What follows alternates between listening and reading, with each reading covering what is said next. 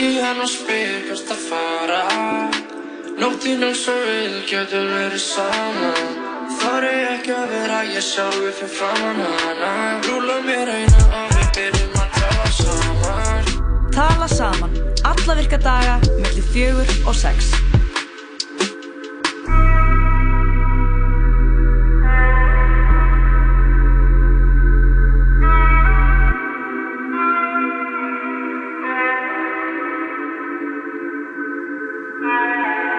Tala saman í heilsa þér kæri hlustandi á þessum eh, mánudegi. Mánudagurinn er 27. janúar og ný vika hefjast. Síðasta vikan í þessum eh, janúar mánuði árið 2020. Jóhann Kristófer með þér og eh, hingað kemur eftir skams Lóa Björk Björnstóttir. Við ætlum að stýra þættinum í dag en hann er sneisa fullur á vanda.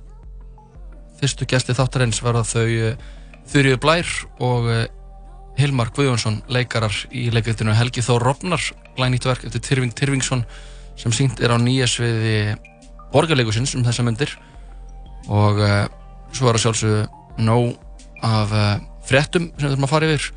Hverjum við heyrum kannski einum eldfættafræðingi og heyrum hver staðan er á uh, Þorbirni á Reykjanesinu en þar hafi verið að mælast eitthvað skjáltar og, og landið að rýsa og maður veit ekki hvað og hvað. Við þurfum að fá einhverja tæknilega útskýringu á þessu þar sem við loa vitum ekki e, beint svona tæknilega tungumáli sem þarf að lýsa þessu. En svo er náttúrulega mjög mikið e, af fréttum. Það er e, kornaveiran að kornaveiran e, það er e, bæðistur í Ísafjörðar segir af sér íbúar e, hlýða er að mótmæla smáhísum sem á eiga rýsa þar og svo er það Grammy-vjólinu og sjálfsögðu Kobe Bryant. Við minnumst hans hér í hættinum í dag. Og uh, ætlum að byrja þáttinn á lægi sem heitir emitt uh, Kobe. Honum til heiðurs en uh, hann lést ásand 13 ára á dóttursin í þyrrlýstísi Já, hvíl í friði. Hvíl í friði, loaði mættingað inn í hljófrið Mjög hérna, volg eftir pottin Volg eftir pottin Við ætlum að byrja á þessu lægi, þetta er rapparinn Chief Keef Lægið hittir Kobe, ekki fara neitt, kærlu sendur, tala saman, er hérna með ykkur til kljóðan 6 í dag.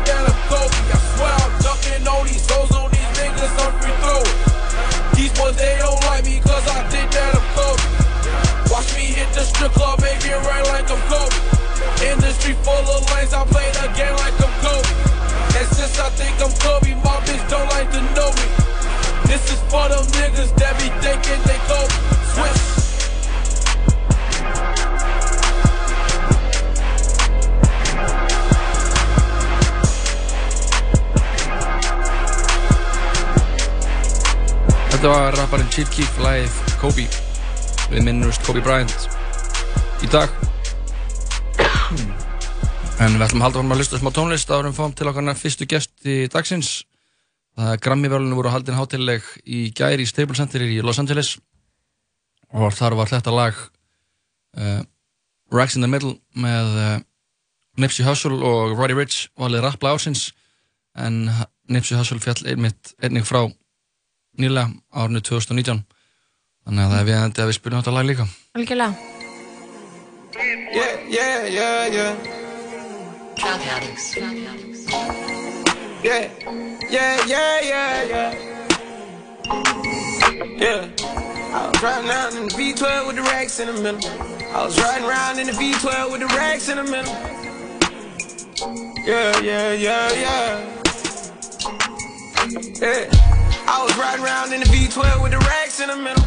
Had to pray to Almighty God, they let my dog out the kennel. When you get it straight up by the mud, you can't imagine this shit. I've been pulling up in the drop tops with the baddest bitches. Young nigga been focused on my check. Mm-hmm. Got a new coupe wrapped around my neck. Mm-hmm. Trying to put the water on my potato. Mm-hmm. I got killers to the left of me. Mm-hmm. We was lurking on her, ain't show no mercy on her. We was going back to back, we put a curfew on her. It was dark clouds on us, but that was perfect for us. We know you always crash and burn, but it was working for us. Let my tent the V12, double check the details. Gotta cross my T's and dot my I's or I can't sleep well. Millions off from retail, once again I prevail. Knew that shit was over from the day I dropped my pre-sale. Hold up, let the beat build. See me in the street still. I've been fighting battles up a steep hill. They gave my road dog 12, it was a sweet deal. And I've been riding solo trying to rebuild. Look. I was riding around in the V12 with the racks in the middle. Had to pray to Almighty God, they let my dog out the kennel. When you get it straight up by the mud, you can't imagine this shit. I've been pulling up in the drop tops with the baddest bitches. Young nigga been focused on my check. Mm-hmm. Got a new coupe wrapped around my neck. Mm-hmm. Trying to put the water on my potato. Mm-hmm. I got killers to the left of me. Yeah, look, under no condition would you ever catch me slipping. Motorcaded shooters plus the Maybach chauffeur driven. If they catch me with it, don't send me off to prison. Judge ain't sympathizing, court don't show forgiveness. Engine in the Lambo drowning out the music. Sip Dior with the flowers, five gold Cubans. Champagne while I shop, hope I splurge foolish. Closing escrow twice this month, both commercial units. Damn, I wish my nigga Fast was here. How you died 30 something after banging all them years? Grammy nominated, in the sign of shedding tears. All this money, power, fame, and I can't make you reappear, but I'll wipe them though. We just embrace the only life we know. If it was me, I'd tell you, nigga, live your life and grow. I tell you, finish where we started, reach them heights, you know. Gas the V12 to the pipe and smoke. I was riding around in the V12 with the racks in the middle. Had to pray to Almighty God, they let my dog out the kennel. When you get it straight up by the mud, you can't imagine this shit. I've been pulling up in the drop tops with the baddest bitches. Young nigga been focused on my check. Mm-hmm. Got a new coupe wrapped around my neck. Mm-hmm. Trying to put the water on my potato. Mm-hmm. I got killers to the left of me. Mm-hmm. Another million dollar bill, that's just some regular shit. See my granny on the jet, some shit I never forget. Day we flew to Vegas with my Puma Connects. We break bread, we ain't new to success. Blade music and best. Enterprise, take lucrative steps. Cold game, but I knew it was chess. As a youth in the set, learn the game, you a student at best. But it's a couple things you can expect. Look, just like money, no money. Niggas shooters respect. Other shooters, we was both doing my crew on your neck. I'm on the freeway in the drop, it got me losing my breath. I do the dash with the blues on the deck.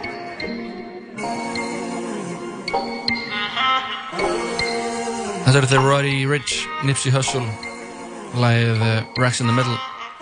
Vann Grammy-völun í gær fyrir besta rapplag ásins 2019 Erstu sammálað þessu? Ég er sammálað þessu, ég er fyllilega sammálað þessu. Ég fíla það. Um, En já, við lifum á ansið tvísunum tímum. Það fyrir ekki fram hjá neinum Það er Rosalegi tímar sko. fjörði mánudagurinn í januar og almannavarnir eru búin að gefa út sagt, svona áhættu óvissusteg vegna, Óvissustig. vegna koronaveiru og ekki nóg með það heldur er líka óvissusteg vegna eh, land, landris á Reykjanesi. Á- það er sem sagt, og uh, það er sem sagt í kringum mann að fjallið Þorbjörn á Reykjavík sem er nálægt Grindavík, nálægt Bláa lóninu Já, Reykjanesinu. Þá þarna, e, er sem sagt möguleg kvíkusöfn eða þessi stað. Emitt og það hafa verið mælst margir jarðskjaldar á svæðinu. Mhm. og ég meina, þú veist, hvað ef það er ef það er hérna kórónaveira sem er svo satt á ég að fræða það eins og hana jái Já, please. Þannig að það kom svo satt upp uh, lung, eitthvað svona veir, veira eða svona alvarleg lungna síking í Wuhan borg í Kína. Mhm. og í kjálfarið það var staðfest að þar væri um að ræða áður óþekkt koronaveiru afbreyði ekki bjórin korona. Ekki, ekki ískaldi korona með Nei. læm ofan í það er ekki verið að tala um þingu Nei, ok, koronaveiran okay. korona um, og þetta fræðilega heiti á hún er 2019 NC og VAF en það staðfest að veiran smitast á millimanna og hún getur valdið alvarlegum veikindum. Faraldurum breiðist hratt út en sem kom er hafa flest tilfellin greist í Kína. Og það er, þú veist, það er verið svona meta, þú veist, með svona svona veirur. Mhm. er eitthvað, þú veist uh, hversu skæð hún er þetta er hvort að, þú veist heilbreykt fólk svona sé líklegt til þess að látast af völdum hennar og þegar hinga til það hafa þeir sem að hafa látist vegna þessara veiru, Já. koronaveirunar eða Wuhan veirunar Wuhan. það verið þeir sem eru búin að glíma við veikindi fyrir eða eru gamlir, aldraðir Ég skil þannig að þetta er svona kannski munurinn Mhm. en þannig að þess að búa að lýsa yfir ósustígi á Íslandi og það er bara svona, svolítið svona standard procedure út því að það hafi ekki komið upp neginn smitt hérna á landi. Ekki enn. Nei, en þú veist, auðvitað náttúrulega um, við búum á vinsællir ferðamanna eigu Mhm. þurfum bara að hafa allan viðbúnað Og mikið af kingverskum ferðamennum minna Einmitt, en þú veist, Kín, Kína er náttúrulega mjög stórt og Við erum auðvitað að fá hérna í viðtala eftir tíu íbúa frá Wuhan Fyrsta, fyrsta Íslandingin sem er smitaðar af koronavirunni Ég veit ekki hvort það er gaman að grínast við með það sko. Jú, það má grínast með allt. Það má sem ekki ég, gríðast með allt. ég er bara eina upplifun mín af svona svona dæmi, svona faraldrum er náttúrulega bara spil, borðspilið Pandemic. Já, og við náðum aldrei að vinna það. Það dó alltaf, allt mannkynnið þegar við spilum Pandemic. Já, um, þú veist, því að svona heimsfaraldrar, ég meina þetta er ekki djók, sko. Nei ég er með svona leik í símanum Já. þar sem maður á að búa til sína eigin veiru. Já, og drefa fullt af fólki með Já, maður á að koma inn í fyrir, láta hann að byrja einhver staðar og síðan getur maður keift, sér, keift svona auka stig bara ef, þú vilt að hann dreifist með vatni, ef þú vilt að hann dreifist með lofti, ef þú vilt að hann dreifist með flugum eða fuglum. Ok, og uh, já, ég hef náða að búa til nokkra alvarlega vírusana sem hafa, hafa rústað öllu líf á jörninni en kannski er þetta bara eitthvað svona ákveði karma á mig fyrir að hafa verið að, spi- hafa verið að spila hann leik. Uh -huh. Það getur verið óvissu stig Það getur verið. En þetta er svo satt, ok, þetta er um, þessi líst yfir vegna þess að það alþjóða helbriðstofnun er búin að gera svona áhættumat Mhm. og sóttvarnastofnun ESB og út frá því þá er þetta ákveðið af ríkislauglustjóra og, og sam, í samræði við sóttvarnalækni og embætti landlæknis Mhm. en þarna óvissustig það þýðir basically og þegar maður er svona óvissustig hvað þýðir það skilur en óvissustig er, er líst þegar grunu vagnar um að yfirvóðandi sé atbyrður sem hefur áhrif á líðhelsu í kjálfarið er samstarf stofnana aukið sem á upplýsingamöðlun Mm. vöktun er eld, áhættum að endurskoðu svo oft sem þurfa þykir svo oft sem þurfa þykir og byrðastaða nöðsynlega bjarga er könnuð og skráð. Og svo farið við við viðbarsáallanir Mhm. og fyrirleikjandi verkfalla. Sem þið basically að Ísland er bara svona að undirbúa sig Já, í það viðbrastöðu. Já, bara í viðbrústu en það er ekki víst að neitt gerast og sama má líka segja um eldgossið á Reykjanesi það er, þú veist, óvissusteg en uh, ekki, þú veist, ein mögulega útkoma er bara, það gerist ekki neitt og það verður kannski bara eitt stór skjálti viðbútt það verður ekkert goss Mm, getur líka alveg verið útkoman sko. um eitt. þannig að það er kannski mögulega, er ekki alltaf fórt fjandans en Það er alltaf að vera að testa okkur. Það hefur verið að testa okkur og ætli við, það sé ekki komin tíma og við fáum smá tauga áfallina sem þjóð Jú, það lítur út það. líði þannig sko eins og það sé svona yfirbáðandi. Já. Hvað, ég veit ekki, þetta er svo, það er svo erfitt, sko. Þetta er svo erfitt að vita alltaf að gerast. Bara Já. Kobe Deyr, það er hann að, þú veist, neðar ástand, einhverjum vírus Uh sem er að fara út um allt. -huh. Kannski er Ísland að fara að springa mm, maður er ekki- Líklegast en maður er bara ekki hérna bara eitthvað þú veist, what's going on, what to do? Hvað er að gera í þessu? Við getum uh, farið yfir stjörnulífið á vísi. já, við getum gert það. Og það þannig- það er það þannig- litla sem við, við getum gert við getum kannski ekki gert mikið en við getum tekið þessi litlu skref sem uh, hjálpa ykkur kærlusundur og taka Já. þessi stóru skref sem þarf að gera til þess að bjarga heiminum. Eða bara, þú veist, róa ykkur á meðan að heimsendir rýður yfir. já, við, við erum Og eins ég og er eiginlega meira svona kannski þannig, svona Já. fiðluleikarinn á Titanic. já, við erum alltaf það bara Já. going down with the ship Já, ég er ekkert pleasure. ég, ég veit alveg, ég þekki mig alveg, ég er ekkert þarna út á björgunabotnum, sko. ég, ég er á, á að spila á Einmitt. fyrir mig og sökvandi skipið. já, ég held að það sé kannski bara rétt metið það sé okkar hlutverk í þessu öllu saman Mm. Herru, ef að fá smá músík Yes. og uh, negla okkur síðan í næsta lið Já. hvort sem það er uh, var það þau Þurri Blær og Hilma Guðunsson eða eða stjörnulíf Já. hver veit Hver veit?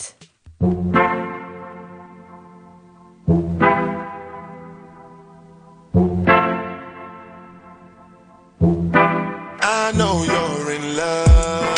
up the Mac with the extension. And me have the money for your extensions. Got me like your hair longer than my gun.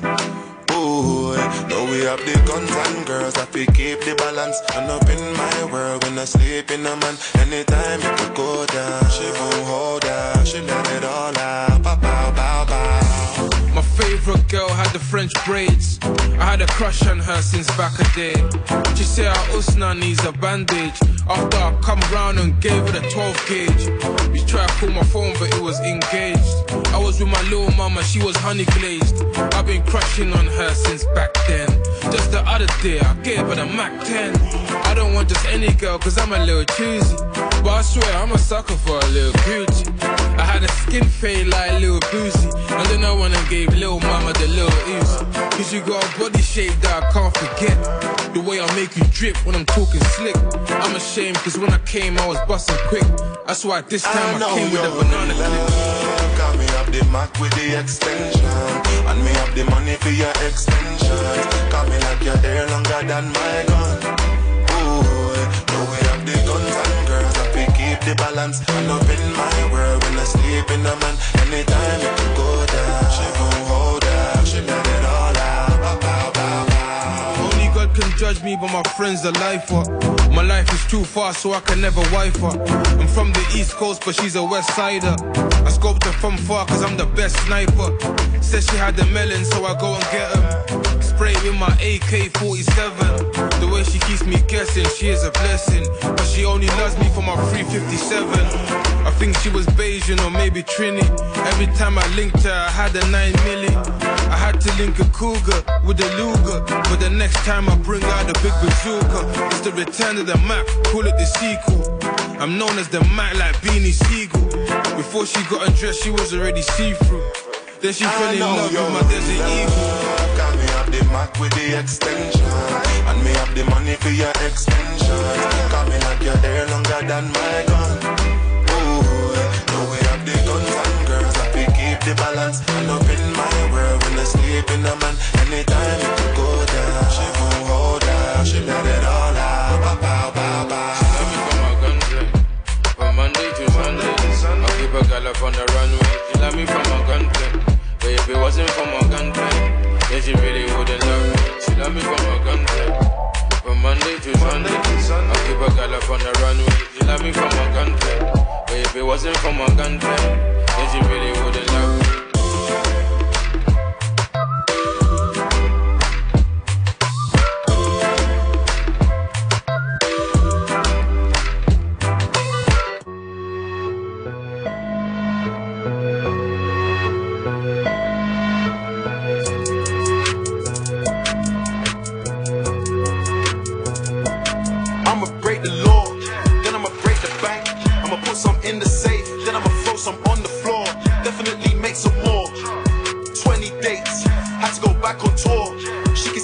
flexing, count my blessings, praise the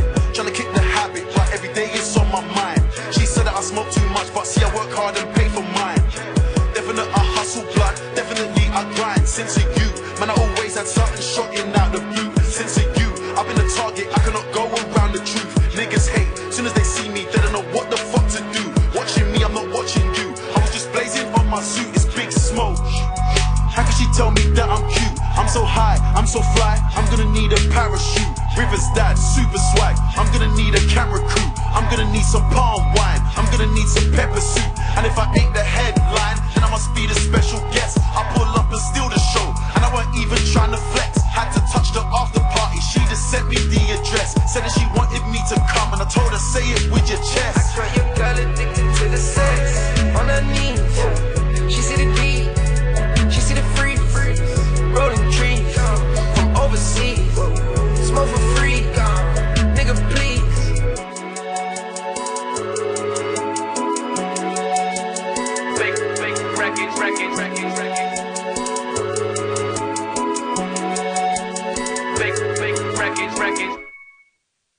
var uh, skepta á sem Never Small slæð uh, Grease Mode hér í síðinu I love that Veistu, Jói, ég þarf að færa virkilega leðilega fréttir Hvað? Rétt eins og allir góður hlutur á Íslandi þá hætta þeir fyrirvara laust Mhm. og annars að sé gefið nú nokkuð tilkynning um það svona eins og tindilögin Mhm. eða ok, þeir gáfali ég þarf aðeins að slaka á hérna forsvarsmönnum tindilögarnar, þeir eru útskýra alveg mál sitt Mhm. en uh, stjörnulífið er ekki komið inn á vísi. Þannig að við vorum svikin á þessum mánudegi um stjörnulífið. Það er ekki komið inn. En það getur vel verið að þessi komið eitthvað að djefa af Og veistu hvað er annað hætt? hvað er líka hægt? Myndi mánaðarins. Hvar- Það er myndbönd mánaðarins. Nei, þú lígur Ertu að grínast? Nei, hann uh, rittstjóri tímarillins myndir á má- myndi mánaðarins uh. Bergur Íslisson segist vera mjög sorgmættur yfir þessum endalógum Æi, þetta er leðilegt hann sendir kveðu til lesanda með þökk fyrir lesturningunum árin. Já, þeir eru margir sem eiga eftir að sakna þessa blaðs. Já, eflaust. Þarna gæti maður maður fræðist um myndir sem er að koma út og maður gæti lesið gullkorn og ég veit ekki hvað og hvað. Dýrkaði gullkornin. Já, þau voru svolítið góð og þau veittu skemmtilega innsýnin í líf stjarnana en, jói, já, þó að stjörnulífið sé úti mhm. þá er vikan á Instagram og DFF inni. Ok, ok, það er svona og fyrirsögnin er jói já, þið þekki reglunar ég þurfti að taka gerfvörsturnar út þannig að já, það verður frólægt að skoða þetta. DFF Alright. fyrsta, fyrsta myndin jói já, Sunneva minnir á að heilbreyði lítur öðruvísi lítur öðruvísi á öllum líkömmun líkömmum ok og setur henn svona mynda sér hún setur í rúmi. Hún er í brjóstaraldra og gestreng eða nærbúsum Já, og hún segir Don't forget healthy looks different on everybody og, og svona svart hjarta. Mér finnst það mér finnst það smá áhugavert sko. hvað af það? því að ég veit ekki hvort hún gerði bara bil á milli different on everybody eða hvort hún var að meina looks different on everybody. Já, ég ég veit ekki sko út af því að þetta er eiginlega hvort er málfræðilega rétt á ennsku Mhm. það myndi þá þurfa að vera don't forget healthy looks different for everybody. Or, eða eitthvað þannig. Ok, ég held það allavega. Já. Eða Það- þá þetta veri var all- healthy looks different on everybody. Ég veit ekki hvað hún er að reyna að segja. Ég skil þetta heldur ekki en uh, þetta er uh, þetta, er, þetta hljómar anna hljómar gáfulega. Mhm. við erum kannski bara ekki alveg á þessum stað að geta skilja nákvæmlega hvað menningin á að vera. Mhm. en uh, ég veit ekki, mér finnst líka það er eitthvað svona nú ætlum ég bara að fá aðeins að, að tala Segja- heitt út. Ég meina tala maður segir. Talablaðist, ég ætla að henda hennar ræðinu sem ég búin að skrifa. Mér finnst veginn þessi tendans hjá einhverjum svona supergjallum. Póst einhverjum svona gæt sexy myndum á sér sem hefði bara verið í Playboy í gamla daga og skrifa eitthvað svona undir eitthvað svona, svona body positivity eitthvað svona motivation að eða, body, þetta er svona body posse. Body positivity, já þú veist. Mér, ég, er svona, ég gef ekki mikið fyrir þetta sko. finnst þér eins og þetta sé jafnvel orka tvímælis eða svolítið svona já en þú veist kannski ekkert eitthvað þú veist, hvern, fyrir hvernig er þetta? Er þetta, þú veist, er ekki bara betra að vera svolítið hreinskilinn og segja bara að þetta Mér finnst bara að vera afsökun fyrir að posta þessari mynd, þú veist. Er já en þú veist, eitthvað svona þú veist að reyna hei, þú veist, skjóða við. Já en þú veist myndu vera sáttari hún myndi ekki reyna að setja ykkur svona klára sniðuga ykkur svona kapsuna? Segja bara sæt mynd af mér. Mér þætti það, það- er náttúrulega það sem þetta er, sko. Low-key heðalæra Já, um mitt. Herru, hún Svala, hún setur einu mynd af sér, Svala á mikilvæga rauð þar að vinkonu. Og þarna er svona sexy mynd, speklamynd, Mhm. þessi rauð þar að mikilvæg. Og það er hún Greta KG, Alright, það er eitthvað vinkonunnar og þær hafa bara eitthvað verið að hafa næst saman. Greta KG Hún er með 4293 followers og hún er musician, Einmitt, Greta Karen. Um, hann að Svala er- er out there í vikunni, Sunniva er out there í vikunni. og svo er hérna hún Marja Birta og Marja Birta hún er leikona en hún byrjaði sem svona, hún var vintage fatasölu kona á netinu. Mhm. hóf fyrir sinna á MySpace. Hófum, já, MySpace, síðan vorum við með búðina Mania. Já, á lögaveginum á og uh, er hún að búsett í Los Angeles þar sem hún býr með uh, Ella Eils listamanni Gleðilegan bónda þetta engilli minn, hjarta. Ég dætt svo sannarlega í lukkubóttu með að finna þig. Þú ert svo litið mikið uppáhalds og svo apinn sem er að halda fyrir augun. Mhm. Já, þannig erum við mm, Þetta var fór náttúrulega ekki fram hjá neinum í senstu viku var bóndadagurinn og þá voru stelpur að setja inn kærastana sína. Já, Já, það var ekki, fló, ekki flókið, bóndi. Ég hálf vorkinni alvöru bóndum á þessum degi sem þessum. Þetta er bara kallmannadagur, þetta er bara bóndi sem kallmaður. Já, en, en allir bændurnir sem eru bara ángríns að mjólka einhverjar Mhm. beljur hann úti Mhm.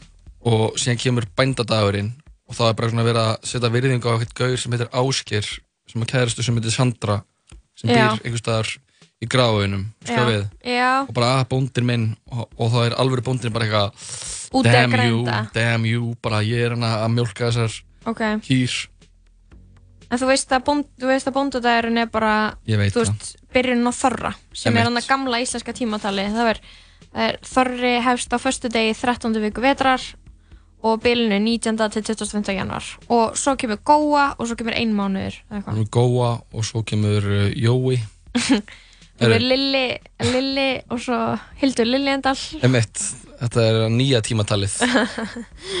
Já, Höldum áfram að fara yfir uh, vikuna á Instagram á diva.is Þetta er svona, er ábyggilega svona minnst gáfulegi liður hún okkar. Að það? Af öllum. En, hann, en þetta er bara eins og stjörnulíf. Já, ég, ég, ég, er tala, ég er að tala um, Mm. þú veist, það líka sko. En ég menna þú veist, þessi heimur hann, hann er hluti af heiminum okkar því miður. Já, meni, við erum algjörlega, við erum bara along for the ride og við erum, mæna, við erum að spila bara þið- Skipusekkur. Skipusekkur uh, Næst í, á vikuna Instagram uh, yfirskriftinni Jóhanna hlakka til að klæðast venjulegum fötum aftur. Jóhanna Helga nýju uh, Can't wait, wait to wear all my normal clothes again. Jói, mm, ég var að fatta, sem sagt komin 32 vikur á leið. Anna, ég var að fatta að ég byrjaði að skrolla og ég fatta að þetta eru bókstala allar myndir á Íslandi á Instagram. Er þetta bara Þetta er bókstala bara hver, ef þú ert galla og þú postaðir eitthvað á Instagram þá er það inn í greininni. Við, Alright. við myndum þurfa að hafa special til að komast í gegnum þetta allt. Við myndum þurfa að vera enna til 8 eða 9 í kvöld. Það eru fyrir bara allir hratt yfir þetta. Ok, næst stór dagur hjá Unni, Eggerts Unnur Eggerts. Big day today as I finally signed my SAG AFTRA membership contract. Travis Wow. was embarrassing as always. Hvað er SAG AFTRA? Veistu, ég hef ekki hugmynd. Það er afbygglega mjög flott. Næst, Fanny fór á listasýningu uh, Já, Fanny Ingvars er á lista, var á listasýningu. Það er bara flott að geta vera menningarviti í á þessu síðasta síðustu versutímum. Það er gott að skoða myndlist. Katrin Kristins fór á ársatíð uh, Skál fyrir ársatíð Já, hún í einhvern vínkjallar eða svona víngeimslu með Louis Vuitton tösku. Uh, Katrin Björgvin setti bókshanskana Kristín Bob að bóksa Já, heyrðu, þetta er mjög mikið af myndum sko. Já, ég veit það, ég var að segja það Bryndís, já, henn er yfirskriftin sko. Bryndís líf þekkir reglur Instagram Y'all know the rules I had to photoshop the nipples out og Aha. mynd og kropp út hausinn á henni Aha. uh, í einhverjum svona see-through topp Mhm. neta, sokkabuxum og g-string Já þannig að Hún hann fekk ekkert það mörg, hún er ekki búin að fá það mörg like á myndinni sem hún er bara síkasti. það ekki Hún er með uh, 27.000 followers og hún er bara að fá í kringum 1000 likes. Það er náttúrulega áhyggjaefni fyrir Insta-stelpu. Já, Hva- það er, það er smá Mér skellur finnst það ekki það mikið af, af likes. Mér finnst það ekki nógu gott follower to like ratio. ratio, einmitt Svona er þetta. Þannig að Íslendingar halda áfram að gera það gott á Instagram. Og Já, við erum gott, þakklátt gott eða, eða veist þakklátt fyrir þessa samantækt sem að DFF gerði og hjálpar okkur að setja hlutina í samhengi. Auðvitað, eða Mhm. ekki? Og, og, og við verðum bara því miður að, að slúta þessum lið því að þetta eru þúsund myndir Jóhann, Já, já Ég er að rúla yfir þetta en að ég Ég er þannig að Já, ég þér er óglatt. Mér er Jóhann er, Jóhann er, þetta. er óglatt.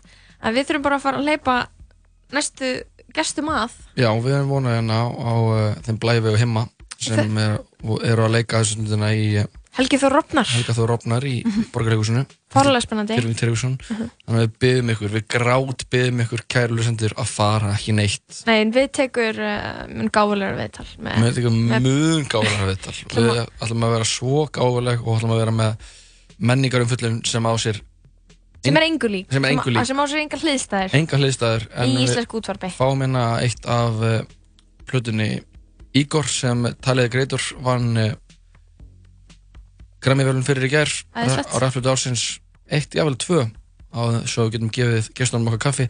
Ekki fara neitt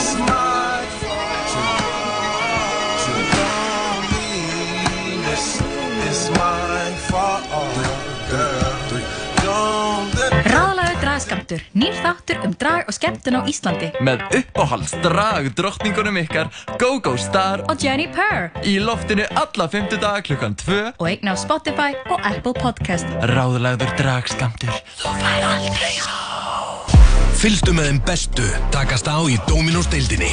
Viðstöndum vaktina í allan vetur. Vertu með Dominós Skúbbrefur. Þú velur handgerðar ískúlur eða mjúkan ís gerðan úr sérstaklega skúbblöndu. Já, eða bara blandar saman. Svo velur þú súkulæði, gerðabær eða annað góðgæti til að fullkomna skúpbrefin þinn. Skúpbrefur er eitthvað annað. Alvöru bræð sem þú verður að smakka.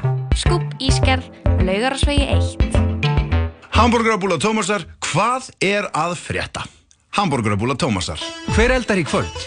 Láttu okkur sjá um kvöldmattin. Nings og kroppurum blómstrar. Fáðu meira með Bíoklúps appinu.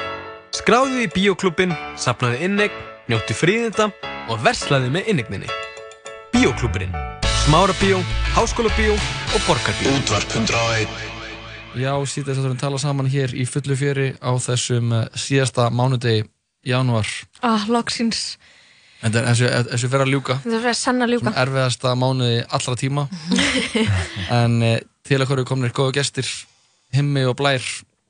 Hvað segir þið? Hjartanlega velkomin. Takk fyrir. Takk, takk, takk. Þið eruð í stuði. Mjög. Já. Á Bara þessu- svona, samt, ég er of mjúkur sko Já, Já, ég reyndar, er bara, fór bara í föt til þess að koma hingað, sko. Ég er búin að vera bara á náttúrunum. Aha. Já, það. Þú eru bara heima að hanga. Og svo geggja að vera já. leikari. Svo næs. já mánudagar eru Þetta er náttúrulega þetta mánudagur okkar sko já, Já. já, það er náttúrulega laugadagur Já. Já. leikara Það er helgin okkar. Í alvörunni, fáðu þið svona einn ein dag sem er helgi, mánudagur. Eitt frítag í viku. Ok, yfirleitt. ok. En þið eru að sína Helgi Þór Opnar í borgarleikúsinu Já. Nýja sviði borgarleikúsins Hefur ekki gengið vel? Jú, það hefur gengið mjög vel. Mjög Til að hafa mikið með þetta Takk Takk fyrir kjalla fyrir. takk. Ég og Seppin að fá að koma á frumsýninguna Já. Einmitt. og mjónaði með þetta Já. Ég var svona smá bara orðlaus eiginlega Já. þegar sýningin kláraðist Ég Já. svona var bara svona, ég, ég vissi ekki hvað, hvað ég ætti að segja eiginlega, sko.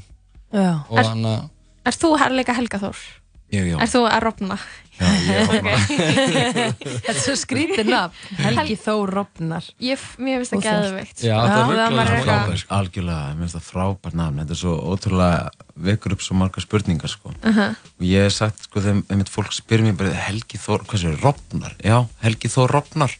Já, byrju, og hvað, hvernig rofnar hann? Þá ég segi, all- horfum við eftir svona fólki og segi bara, nokkulega Þannig að getið þið sagt okkur um hvað er þessi sýning? Já, þetta er um, um Helga Þór. Helgi Þór er aðal, aðal karakterinn og hann sagt, hann rofnar. Uh, bara basically. Tveir opnar.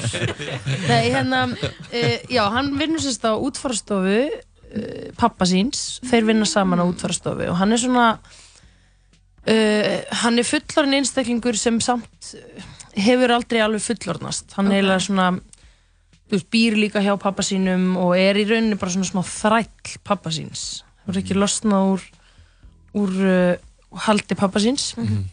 Og hérna er ekki, er ekki sjálfstæður einstaklingur, tekur ekki ábyrð á lífi sínu. Og svo kemur inn uh, í lífans Katrín sem ég leik. Og hún er svolítið svona ljós í myrkrinu þótt hún sé sjálf mjög svona fókt og mjög drikkfæld og tilfinningarlega bælt og, en, Mhm. hérna, en þau verða ástfangin og þar byrjar bara átt að verksins Ok. og uh, svo er hann líka bakari sem að hérna riðlast á Helga Þór og Hver er bakarinn? Hver líka bakarann? Hjörtur Jóhann Ok. sem að var hérna fekk uh, grímuna fyrir, fyrir uh, Ríkar Friði Einmitt. Einmitt, einmitt, það er náttúrulega award season mm. Þannig að er þetta ekki bara innvala leið leikara? Það eru þið tvö og, og Hjörtur og Berguþór. Já. Er það, er það allir í verkinu? já, svo er hún Erlen líka Erlen, hvað heitir hún þetta meira? Ísabella Erlin Einarsdóttir. Ísabella, já hún er 14 ára Ok. og hún er rosalega góð leikuna Ok. Hún er rosalega góð leikon Já. Vá, hvað það er geggjað að það heyra. er ótrúlegt sko. Já. Hún hún er er, bara frábær manneskja sko. Mhm. og ótrúlega sko. hún leika mjög mikið með bara mikla reynslu. Já, einmitt. Hún er búin að vera held ég jafn lengi í leikursinu og ég sko. og hún leikur sér satt stelpu sem að kemur oft í bakaríið og er í, er í offitu teimi barnaspítala ringsins Vá. Já, og, og sníki snúða hjá honum. Já, hjá bakaranum. Hvað er offitu teimi barnaspillar hringsins? Verði ég bara Ég að veit koma það? Ekki. Nákvæmlega, En já, það er svona, svona, svona kynning á karakterinum Ég ætla svo ekki að segja kannski meira uh, Nei, er Nei, að svo þetta fjallar þetta líka bara um, um mitt okkur og okkur fólkið sko, okkur manneskjötnar og, og Mhm. hvernig við lifum okkar lífi og lifum því ekki. Mhm. og mjög stóra spurningar hana Er þetta, þú veist, samfélags ádela? Finnst ykkur við vera að tala um samtíman og deila á hann eða er þetta meira svona gæti gerst hvernig sem er? Já, ég myndi segja að þetta væri klassík. Þetta er uh, svona Hvað segir maður, undirtitlin er Þetta er grískur harmleikur sem gerist í Kópavogi Já, ég skil. Mhm. Einmitt. Mér finnst, já, mér finnst einhvern veginn sko Þetta er ekki, ég myndi ekki segja að þetta vera ádælega En þetta er bara svona meira svona Þetta getur, þú getur sagt þetta á Sett þetta á þannig Hvaða samfélag sem er held ég Já. Eða svona flest Þetta er meira svona manneskjuna Já, þetta er um mannskina Þetta á al, algjörlega alveg mjög mikið við núna. Núna já, algjörlega Og einhvern veginn svona um Svona, þetta, svona syndir, syndir feðrana og, og svona einhvern veginn eitthvað Þú veist, Já, fólk sem er svona fjötra af Því sem fóldið þeirra hafa gert Já, það fæðist Já. inn í sko. Fæðist inn í, já, Já. já. Það er því sem það heldur að það eigi að vera að gera Mhm. Já. Mhm. Mhm. Einmitt Hvernig undirbyggu ykkur fyrir hlutverkin ykkar? Mhm. Góð spurning Um, Ég var bara, hérna Það var reyndar, hérna sem er svona típiskur undirbúningur leikara sem að, hérna það er umtal. Ég græntist fyrir þetta Það. Var mér fyndið. Að ég las leikritin hérna fremsyndi annað leikrit og fór svona að huga þessu. Og hérna og las það bara yfir og sagði, já, Helgi Þór hann er nú svolítið grenri en ég. Hann er mjó, hann er svolítið mjór. Vissur það bara strax? Hvernig vissur það? Bara kartilísinu bara? Nei, bara fekk á tilfinninguna sko. Já. Og þá bara fóru kílóna hrinja sko Ég Bara missa bara mindset. sjö kíló sko Í byrjunin. Með bara, þú veist, einhverju markvísu mar eða þú veist, hvernig gerður það? Bara ræktinn eða hvað? Eh, Nei, Mistur um matarlistuna? Nei Já, ég fór bara að æla alltaf eftir maður Nei, Nei, ég ger það ekki Nei, ég hérna, nei, þetta bara fór svona í undirmöðunina Það var mjög fyndið sko og ég bara ég hérna skilgrein þetta kannski þannig að ég hætti að borða 120% skamt svona þangar til ég var bara bah, já, já. pakksættur og fór að borða bara svona 80% sem að Mhm. dugir mér. Mhm. Emmitt Ég fór bara að borða svona passlegt Mhm. Ég skil það. Ég myndi segja að ég hafi fitað mig fyrir þetta hlutverk.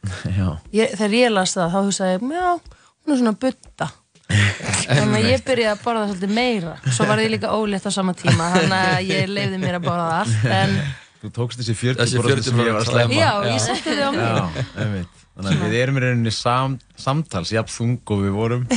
Að maður aðeins fært á milli. Geggjað. Nei, nei, svo bara skoðum maður hérna Ég á sjálfur alveg bara því miður helling sameileitt með Helga Þór og, og hérna reynir svona Ég fann bara fullt af, af Helga Þór í mér.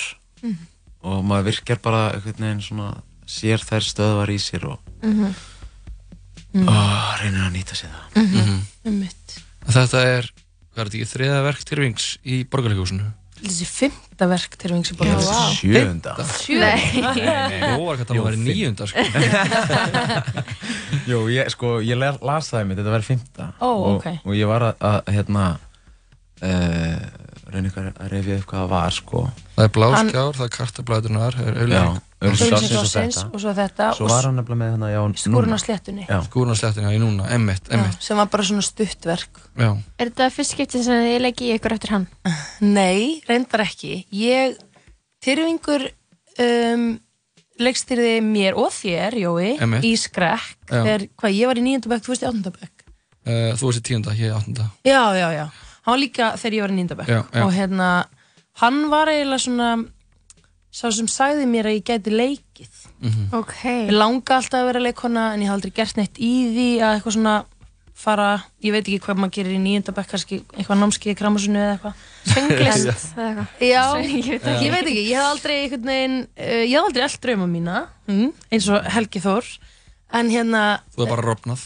Já ég hafði bara rofnað mjög oft Nei, hérna, uh, já, þannig að hann leikstýri mér þar og við erum svolítið búin að fylgjast að síðan sko, ég hef leikið, leikið einhverju verki eftir hann uh, þegar ég útskrifaðast úr grunnskóla og svo vorum við saman í leikhópi mentaskóla og hann er svolítið búin að vera svona lærimistari minn að mörgu leiti og ég er búin að vera rosalega spennt síðan ég byrjaði að vinna í borgarleikusinu að fá að vera aftur í verki eftir Tyrfing Mhm. af því hann er svo geggja gott leikskáld. Hann Mhm. skrifar svo geggjaða texta Mhm. og það er bara fyrir leikara, það er eins og að borða konfekt sko, að fara með þá.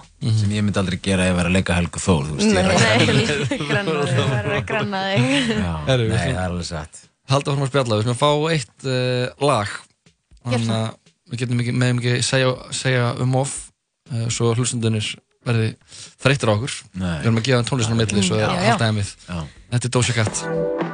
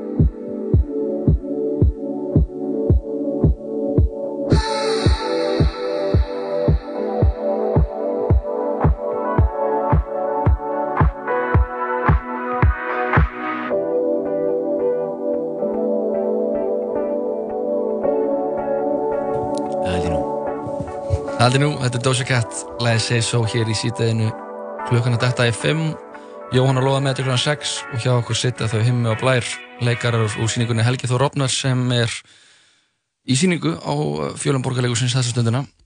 Við erum nú að fara yfir heim uh, já, bara að vána þessar, þessar vár og, og eh, Dómsdagsspár. Dómsdagsspár. en við skulum ekki fest okkur í þeim. Við vorum að tala um uh, Kaffi hérna, til dæmis, sem að ég fekk hérna. Já. Það var mjög gott. Í alvörinni? Vá. það er ekkert vondur bollin hennar sko Nei, ok. Það er flott. bolli, já. Já, fínt. Það er gott að vita. En við vorum að tala um Tyrfing Tyrfingsson, Mhm. leikskaldið. Mhm. Þannig að, og uh, Blær, þú segir hérna árum við fórum í lag að svona góðu texti væri eins og konfekt fyrir leikara. Já. Uh, hvað er það eiginlega við texta Tyrfings Tyrfingssonar sem er, er svona, sem þið, ykkur finnst vera svona gott, eða þú veist, að því ég, að því ég er alveg sammála, hann er með svona algjörlega bara standa fremst af íslenskum leikskáldum þessa stundina. Í, Mhm. í einhvern veginn bara svona að ná að kjarna eitthvað sannleika, en ég á samt aldrei erfitt með að setja puttan á hvað nákvæmlega er. Nákvæmlega. Já, ég veit hvernig þið líður. Já. Ég las eins og leikrit eftir hann og hérna uh, og ég gat ekki slefti og bara og ég, hérna svo manni ég sagði eftir ég bara þetta er frábært Mm. þetta er alveg geggjað Mhm. ég veit bara ekki af hverju ég, af því ég, ég náði ekki sko, náði ekki endilega hvað hann ætlaði að segja með þessu en hann hefur eh, röddinn hans er svo skýr og sterk Einmitt. hann er svo næmur á eh, sambönd Mhm. og eitur í samböndum Mhm. Og hvernig við látum í, í hérna, samskiptum við hvort annað Mhm. og svo er tungutakið hans alveg einstakt Já. og hérna vingillin sem hann er oft með á hvers daginn er einhvern veginn þannig að hann er að benda á eitthvað sem að allir vita en enginn segir upp átt sko. Akkurat. Og það er svo frábært. ah, shit Hey, hann sagði það sem ég er alltaf að hugsa og ég mitt hann næri einhvern veginn alltaf að hann næri alltaf að koma manni óvart en á sama tíma og, og alltaf sjokkara mann smá Já. án þess að missa mann án þess að maður missi saman með karakterinum eða samsami sig ekki Mm. Þetta er svona gangi fram á manni, basically. Já, Já. og mér finnst það svolítið, ok, þetta er, er ekki alveg rétt að bera þessa tvo listamenn saman, en eins og með Hugleik Dagsson, hann er alltaf með eitthvað kúkabrandara, sem, ok, ég er endar að elska kúkabrandara og prumpubrandara, en skilji, hann er alltaf með eitthvað svona, eitthvað svona ógeð, farið við strikið Já, en það er Mhm. aldrei leiðilegt skilji, það, er alltaf, Mhm. það er alltaf eitthvað í því sem er svo edgy eða satt Mhm, mhm. að maður einhvern veginn tengir og fær ekki nóg, Mhm. skiljiði. Já, alltaf verið að setja svona hlutina í samengi Já, það er ekki bara verið að sjokkara til að sjokkara, það er einhvern veginn, Það verður að segja, segja aðeins svo mikið sannleika. já. Finnst ykkur, þú veist, er þetta þungt verk, skilur, fannst ykkur þið vera inn í einhverjum svona, þú veist, svona gett þungum heimi þegar þið voru að búa til? Ég meina Eh, svona, þú veist, svona, svona erfiðum. Nei, þetta er mjög fyndi verk sko. Já, það ok. er hleyið alveg rosalega mikið á sýningum og Ok, hérna, þótt þetta sé grískur harmleikur Mhm. þá, er, þá er þetta líka gaman sýning eða þú veist Algjörlega. Mhm. Þetta er mjög fyndið sko. Og hérna, Hlóst þú, Jói? Ég hló Þetta, þetta var, verk var uh, sko, mín uppbólsblanda sem er fyndið og sorglegt Já. Það er það sem ég er skemmtilegast sko. og mér er alltaf gaman að fara að geta, þegar maður getur bæði hleið og grátið sko, þá finnst mér alltaf að vera að gera eitthvað rétt Mm. Fórst að gráta líka? uh, Nei, en mér fannst þetta alveg svona En alveg langaði? svona tragíst Þú gætir? veist, Já, ég bara ef ég væri rétt upp lagður þá gæti ég alveg fara Mhm. þannig að hefði alveg getað að fara að grenja sko. Og þannig að já, svona fremsýningapartí eftir á, og meg, meg er ekki að vera eitthvað. Hún hefði ekki verið allir eitthvað bólginn þar og amma var hana og ég hefði verið, verið alveg ómögulegur sko. Það er svo erfitt að fara að gráta á sýningu eða í bíó og kannski get ekki hægt, skilju, og lappa út Já. og vera grátandi fram á ganginum í bíóparadís. Við vorum einmitt að tala um með þetta í, því, í gær sko, þegar maður er farið að síða svona hérna, teiknimyndir í bíó. Já. Og það er alltaf, ná mann alltaf sko. Mhm. Ég man líka eftir ég var einu sinni í bíó með vinum mínum. Við fórum tveir saman í bíó og hérna á Interstellar. Já. Já, fuck. Já. Já, og svo eigum við báðir sko, hérna, eh, dætur og hann er eitthvað hérna í að tala við dóttur sinna hvernig þetta var eitthvað, hérna, kveðjana í Já. gegnum eitthvað vídeo. Nokkra vittir. Já, akkurat, og við erum bara að öskur grenja. Og við erum bara, þú veist, báðir tveir bara eitthvað, og svo bara kemur allt í um bara og við erum hérna á FM 957 og bara hlið Oh og við erum bara í miðjum bara grátast og svo bara erum við hérna, ó, við erum svona feimni við hvern annan, þú veist, og bara já, já, já. Málega, hvað, ég var að fá okkur Er það nachos? luxuspinna Það er erfitt. Já, en það er hins vegar Ég þól ekki hvað, mér finnst mjög erfitt. Ok, ég get grátið á sviði og eitthvað það er á almannafæri, en mér finnst erfitt að gráta á almannafæri og vera í bíó og bara sittandi með kærastanum mínum eitthvað svona, og hann lítur alltaf á mig þegar hann byrjar að Það heyra þegar ég byrja að snökta ég og ég reyna að gera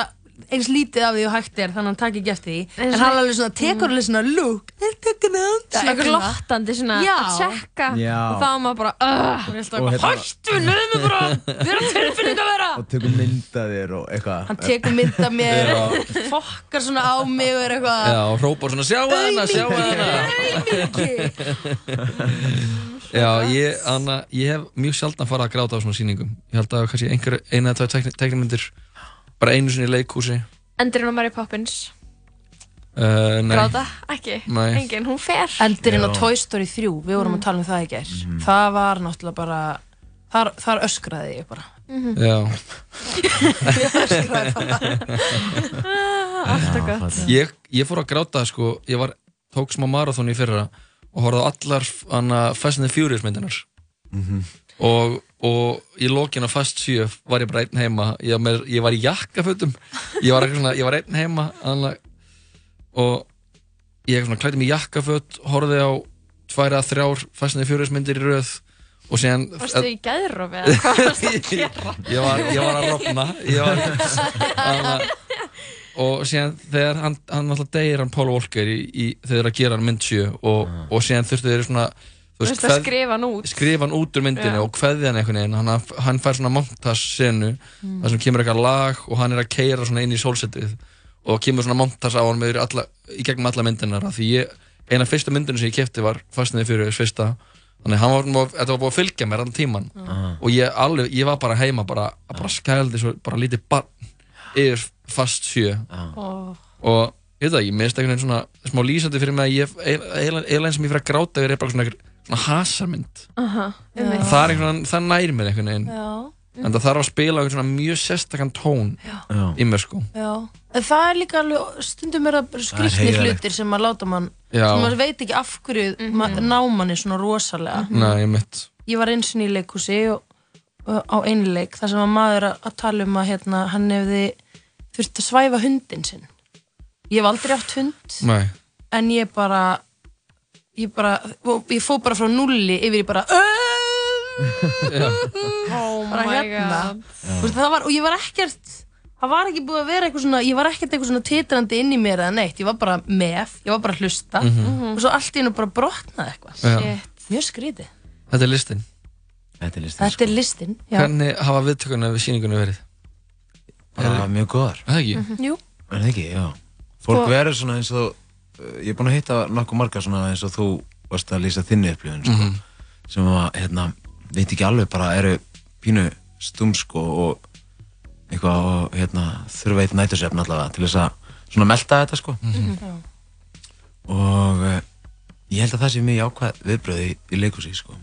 Ég er sammála því sko. Að Þegar maður fer svo oft og maður veit og mikið hvað manni fannst um leið og þetta búið. Já. Það er svo það er bara svo góð tilbreyting að vera svona smá eins og stegis, bara smá stúm sko. Mhm. vera bara uh, já ok, bara Og það kemur hún aftan á manni eða? já, hún svona- gerir það sko. Já, hún gerir það sko. Og, og hérna uh, ég man bara eftir því þegar ég las þetta fyrst sko. Að það bara, vá vá, vá, vá, vá, biti, biti, biti ok, ok, ok, já, þetta er búið núna. Ok, ok. Þú veist, ég var alveg bara hérna Mm, þurfti svolítið tíma að Mhm. Bara vinni þessu og melta þetta og skilja þetta sko Mhm. fá þetta í skrokkin sko það er eins og hérna, hef ekki hert þegar maður flýgur til uh, útlanda og sálinn kemur svo Jú, Það er það. jú. Þetta er einhvern veginn svona svolítið þannig sko. maður er einhvern veginn svona fer í gegnum þetta og svo kemur skilningurinn Já, Einmitt. já. í skrokkin á manni sko. Já. Einmitt. og, maður, og þetta er svo vel skrifað hjá honum sko, og hérna á svo mikil tilfinningu að hérna að maður skinnjar þetta frekar að maður skilur þetta Einmitt. ég held hann að skrifa þetta bara úr beint úr hjartanu sko. Mhm. Það er líka svo ofmyndið að skilja sko. Það er það sko Mér finnst það rosalega flott loka örð Þannig að krakka það var geggjað að fá okkur í viðtal Takk fyrir að koma Takk fyrir að bjóða okkur. Og er þið með eitthvað loka lag sem þið viljið fá að heyra? Eitthvað sem kannski var hlustuð á í ferlinu eða Heyrðu, ef ekki að velja Anderson Paak Jú, Calm Down Anderson Paak, við vorum að hlusta á hann daginn Já, við til það. Hilmar Takk Guðnason, fyrir. Þurfi Blær, Helgi Þór Rofnar er í síningu í Borgarleigusinu Allir velkonir Allir velkonir, ekki láta það fram í okkur fara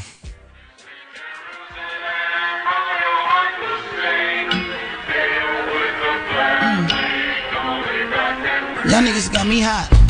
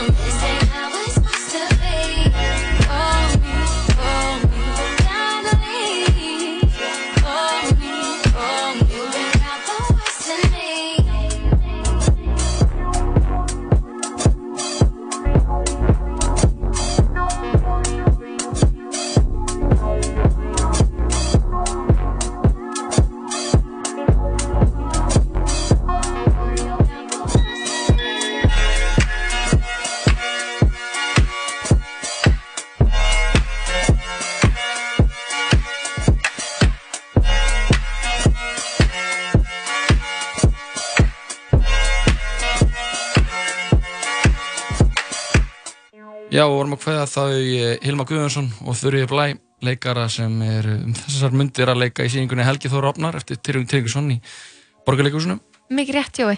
Gaman að fá þau eitthvað, gaman að tala um bæði leikhúsið, listina og líka bara gráta og tilfinningar. Gráta yfir myndum. það er ekki að gráta sko Þú sagði góða fast sjö sögu. Já, þegar ég fór að gráta yfir fast sjö Shit maður, þetta er svakalegt. Ég er fárlega peppið að sjá Helgi Þór Rofnar. Já, Ég ég vissi það líka eiginlega bara þegar ég vissi hvað verki hét að þetta væri verk fyrir mig. Já, emitt Lóa Björk Rofnar. Lóa sko. Björg Rofnar alla virka daga milli fjóra og sex í- Mikið rétt í drömmu. En að horfa þrjár Fast and the Furious myndir í jakkafötum og grenja sér endalaus er bara, Jói, you okay mate? You're right. Jói að rofna. Jóhann Rofnar Já, alla virka daga milli fjóra og sex Við ætlum að uh, hlusta eitt lag og uh, svo ætlum við að ringja í eldfjallafræðingin Ölmi Gíðu Hundan Williams Mikið rétt. Og við erum að fara að spyrja hann út í hvað sé að gerast, er kvikusöfnun að eiga sér stað hjá Þorbirni á Reykjaneskanum. Mér er svo fyndið að skýra fjall Þorbjörn Er það bara ég? eða? Mér finnst það nætt. Þér, já, mér ég elska þegar að fjöll heita eitthvað svona nöfnum Þorbjörn, Hestur, eitthvað svona Mér er Þorbjörn og Hestur bara enga veginn vera En Baula Baula er flott. Þorbjörn er bara eitthvað nafn eins og bara, eins og hann að bara fjall héti Jóhann. Já, Eða- veistu, við ættum að skýra eitthvað fjall Jóhann. Eða bara Esjan, Sakkarías, rí- Rýbranda esjuna sem Jóhann. Eða væri bara fjall sem héti bara hann að Sandra Mist. En kannski kom fjallið Þorbjörn á undan nafninu Þorbjörn skilur mig, við komum kannski til Íslands og voru eitthvað, já, já, nú þurfum við að skýra hluti hérna. Já. þetta fjallið til Þorbjörn og þá er eitthvað svona, mm, fallið nafn, ég ætla að skýra son minn Þorbjörn. Ef- Í hverjum er þú skýrðið höfuð á? Að í þannig fjallinu Þorbjörn? Já, ég menna, þú veist, hví ekki? Við ekki, herru, ekki fara neitt Við ætlum að fá að fræðast um hvað í ósköpunum sé að gera hjá þessu gerast hjá fjallinu Þorbjörni Því nefnda fjalli Þorbjörni hér eftir áskamastund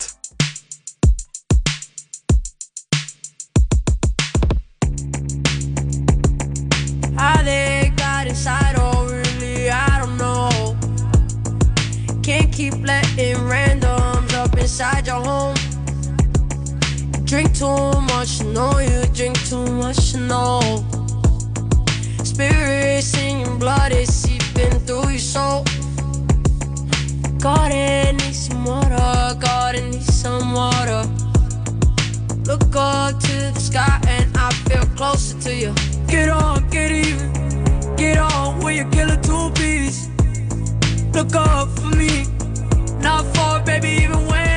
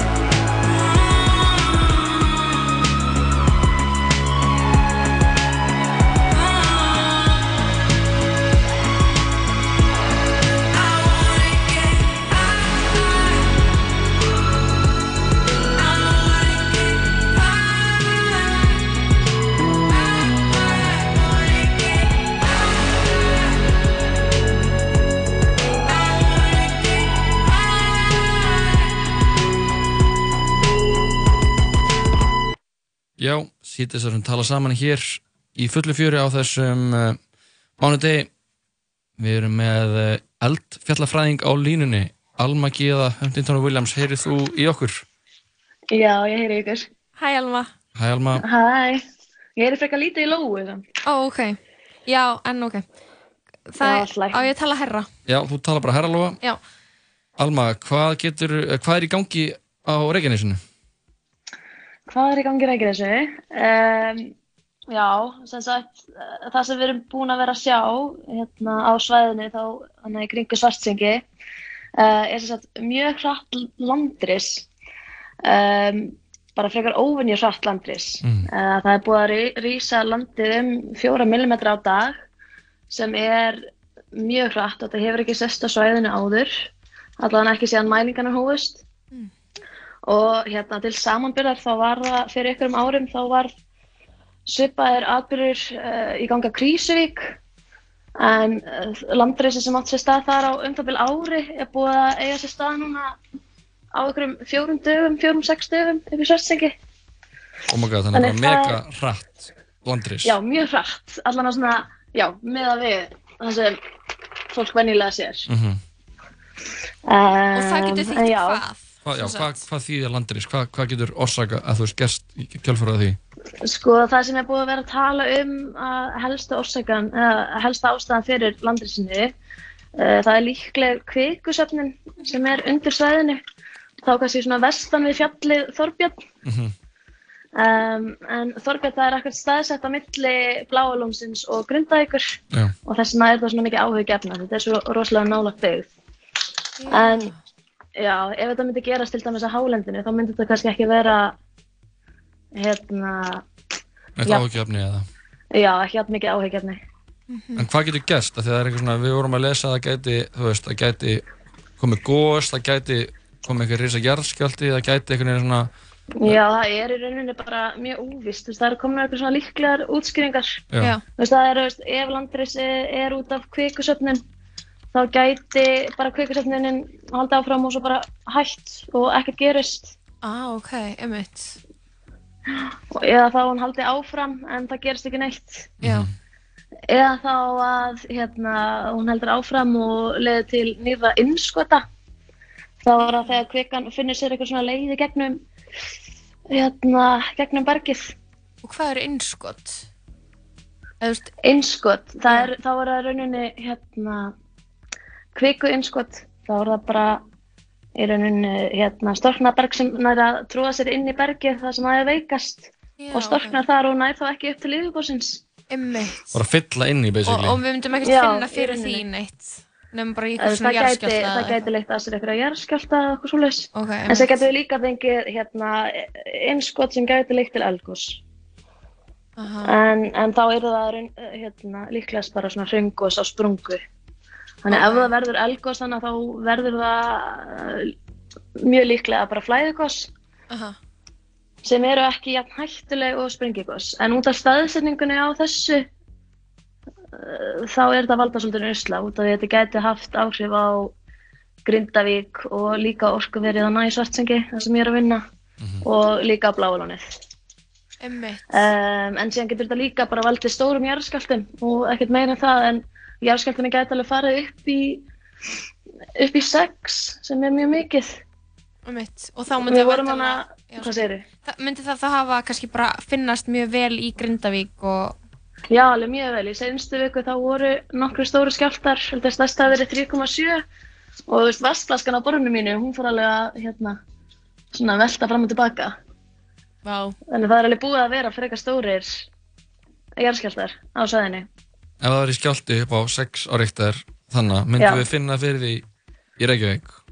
Já, ég myndi búist því. Ég meina, skjáltanir sem voru í seinstu viku, þeir fyndist alveg upp í Borganes. Já, ok. Já. en hérna, en þú veist, ef það kæmi skjáltar að þessum stærðagráði, þá gæti það líka sko haft afleðingar á vegi, þú veist, það gæti rofnað upp vegi, og eitthvað svona. Einmitt. Já, bara Reykjanesbreytin getur bara rofnað. Helgi Þór. já, Helgi, já, já, já, Reykjanesbyrðin rofnar. Einmitt.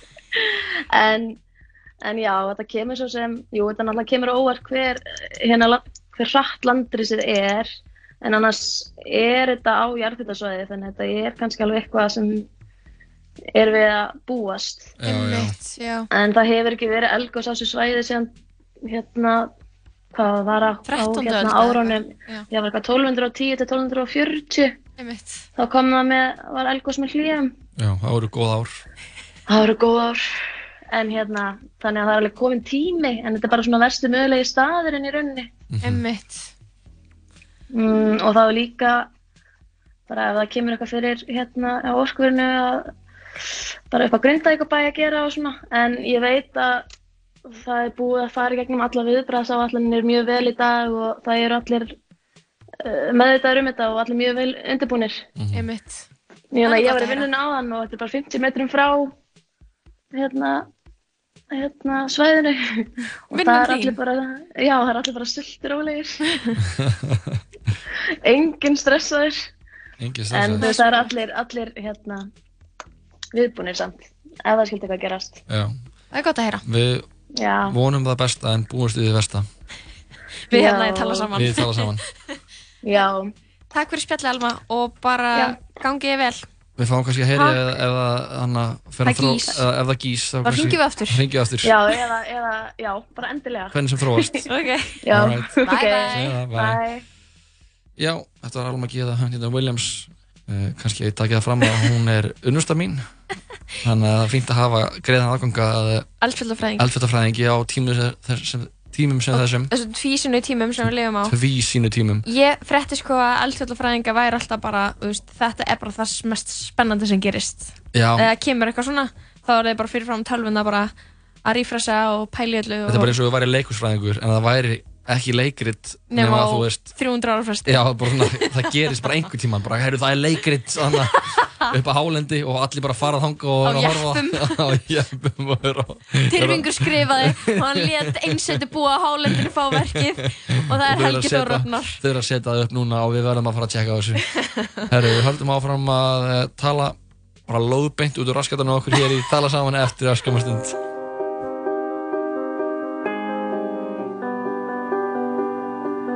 I'm drowning. I'm drowning. I'm drowning. I'm drowning.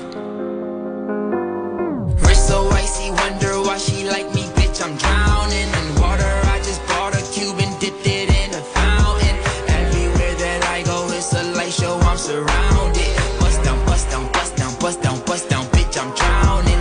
I just bought a Cuban ring and dipped it in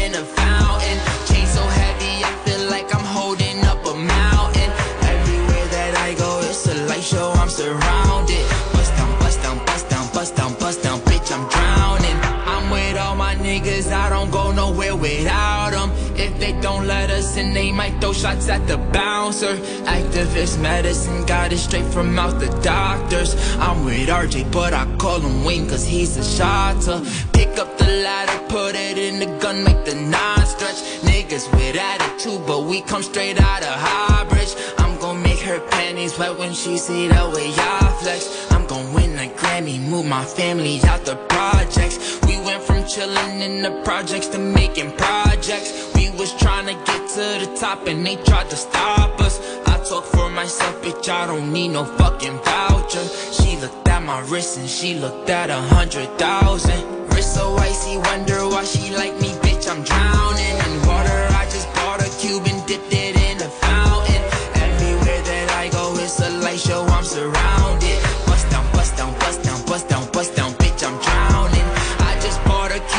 Cuban ring and dipped it in a fountain. Chain so heavy, I feel like I'm holding up a mountain. Everywhere that I go, it's a light show, I'm surrounded. Bust down, bust down, bust down, bust down, bust down, bitch, I'm drowning. Just bought a brand new chain from Aviani. Nigga with attitude, but I ain't from Compton. Look cool that bitch, I'm polo down like Carton. Sniper gang, I put a nigga on the carton. I'm the shit, I'm farting. I don't know how to party. Pull up in a Rari, I'm in the yo like Gotti. Hey, boogie, I'm going Scotty. Nigga drop my deposit. I ain't Jamaican, bitch, I'm Haitian, but I got them shotters. Harley Davidson every day, I ride with the chopper. They hating, I know they don't wanna see a nigga prosper. I ain't doing trims, I'm in the cut like I'm a barber. She call me daddy, but I ain't her motherfucking father. Wrist so icy, wonder why she like me, bitch. I'm drowning in water. I just bought a cube and dipped it in a fountain. Everywhere that I go, it's a light show. I'm surrounded. Bust down, bust down, bust down, bust down, bust down, bitch. I'm drowning. I just bought a Cuban ring and dipped it in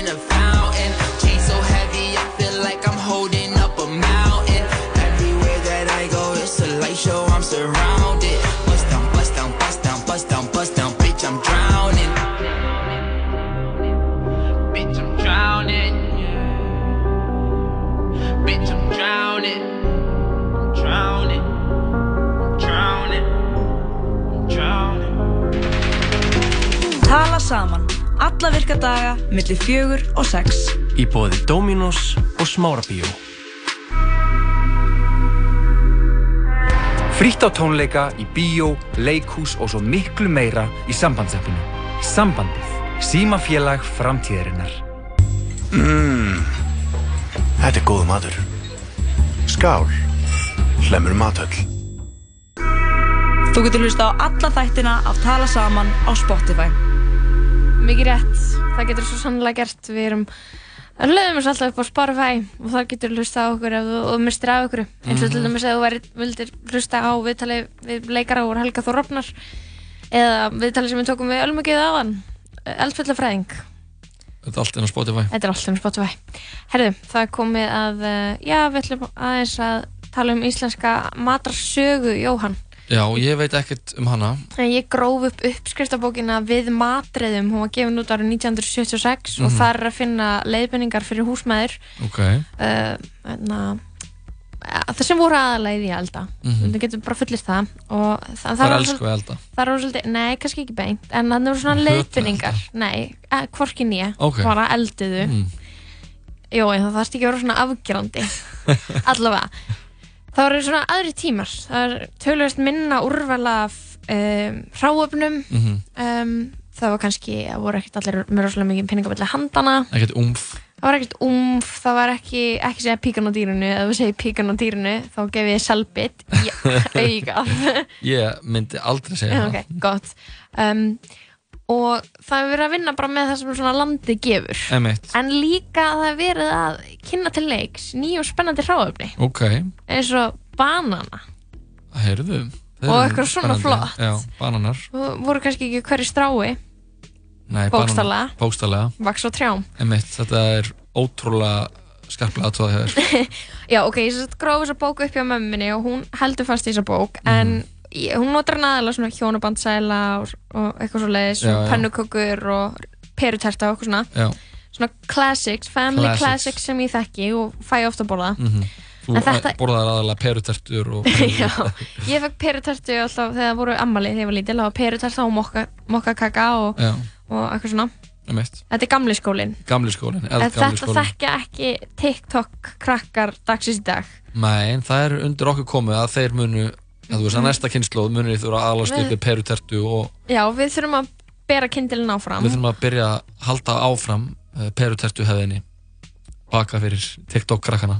Það er rétt hjói En ég sem sagt Ég sá sem sagt í þessar bók Bókinum við matriðum Þannig að það er, hún er skrifuð af Tveim konum, þær heita Hérna, ég er að grafa það upp uh, Anna Gísladóttir og Bryndi Steinþórsdóttir. Mhm. Get ekki betur séð að þær séu brautriðandur þegar það kemur á uppskriftagerð. Ok. Og því að fyrsta, ég tók nokkra myndir af þessu í gær. Mhm. og því gat bókslega ekki tekið bókina með mér frá fóreldrum mínum og því að hún var svo mikið lesin að hún var dætt í sund. Og mikið notuð, greinilega. Það er ekki að gera er- þetta hljóðbók. Já, mögulega. Og þetta er fyrsta uppskriftin sem ég sá og ég fekk strax óbræði munnin var Mhm. uppskriftin að bananasósu. Ok. Hvað heldur þú að bananasósa sé? uh, Ég myndi halda að það væri einhvers- konar sósa unnin úr bönunum sem væri sett yfir tertur eða eitthvað svona Ok, þar nefnilega, þarna sko þarna vera hlutinni virkilega fucked út af því að bananasósa er með 100 grömm af majónesi 1 desilitri þeittur eða sýrður rjómi Mm. hvernig er það hægt að skipta því út þeittur og sýrður rjómi er alls ekki eins ok, 1-2 teskja sinneb 1 banani mm. 1 teskja kaviar og svo paprikukrydd Kaviar, já, svona túbókaviar ég- bara kaviar skilur, ég veit ekki hvort það sé túpu eða svona í krukku eða eitthvað. Ábyggilega túbu frekar. Ég held Ok. að það getur verið að bröðlega með einhvern krukkur að einhverjum kaviar en í gamla dag sko. og sko, svo, svo að bra- blanda majónesinu og rjómanu saman og svo að setja sinneb og kaviar og svo banana. Þetta hljómar að það er svo ógeðstri. Ég veit það. Og svo, veistu hvað á að setja bananasósu á, Jói? Hvað? Það á að setja bananasósu á síld. Kæli sósuna en hún er látin yfir síldina skreitið með bananasneiðum og kaviar hvað af hverju meinaru? Hataði fólk sjálft sig svona mikið gamla daga? Bananasósa. Hvað er í kvöld að borða mamma? Það er bananasósa með síldinni. Það er síld með bananasósu og skreikt með bananasneiðum Oh my god, ok, næsta uppskrift. Og þannig fór ég bara að klóra mér fast í hausnum Mhm. Jói. Það er skýrsúpa með grænu. Með grænu? Já, það stendur ekki neitt. Skýrsúpa með grænu. Ég sko, ég elska íslenskar konur Íslenskar húsmæður Mhm. Formæður okkar Mhm. Mömmur okkar, ömmur okkar. Þar eru, Þær eru bestar. Já. Þær eru bara eitthvað að það búa skópu okkur. Þær búa á Kvolsvelli eða í Haugadal, Mhm. sumar í Reykjavík og þær voru í hagkaupsloppum og þær voru með sleif og þær voru að gera skýrsúpu með grænu, með grænu. Og ég, það er svo stund gert þannig og þannig að ég er bara svona greinilega svo margt sem ég veit ekki skýr súpa hljóma strax mjög illa. það. Hljómar ógeðslega auðvitað hljómar það ógeðslega. Það sem þú ert að gera er að þú ert að hræra skýr út með vatni ok, þú ert að hræra skýr út með vatni og mjólk þannig til hún verður íþykk súpa. Mm. sigrið súpuna að vild þvóið grænt salat njólablöð, spínat eða grænkál og látið vatnið síga af því. Skerið grænmeti gróft niður eða rífið það niður í skál og berið með skersúpunni.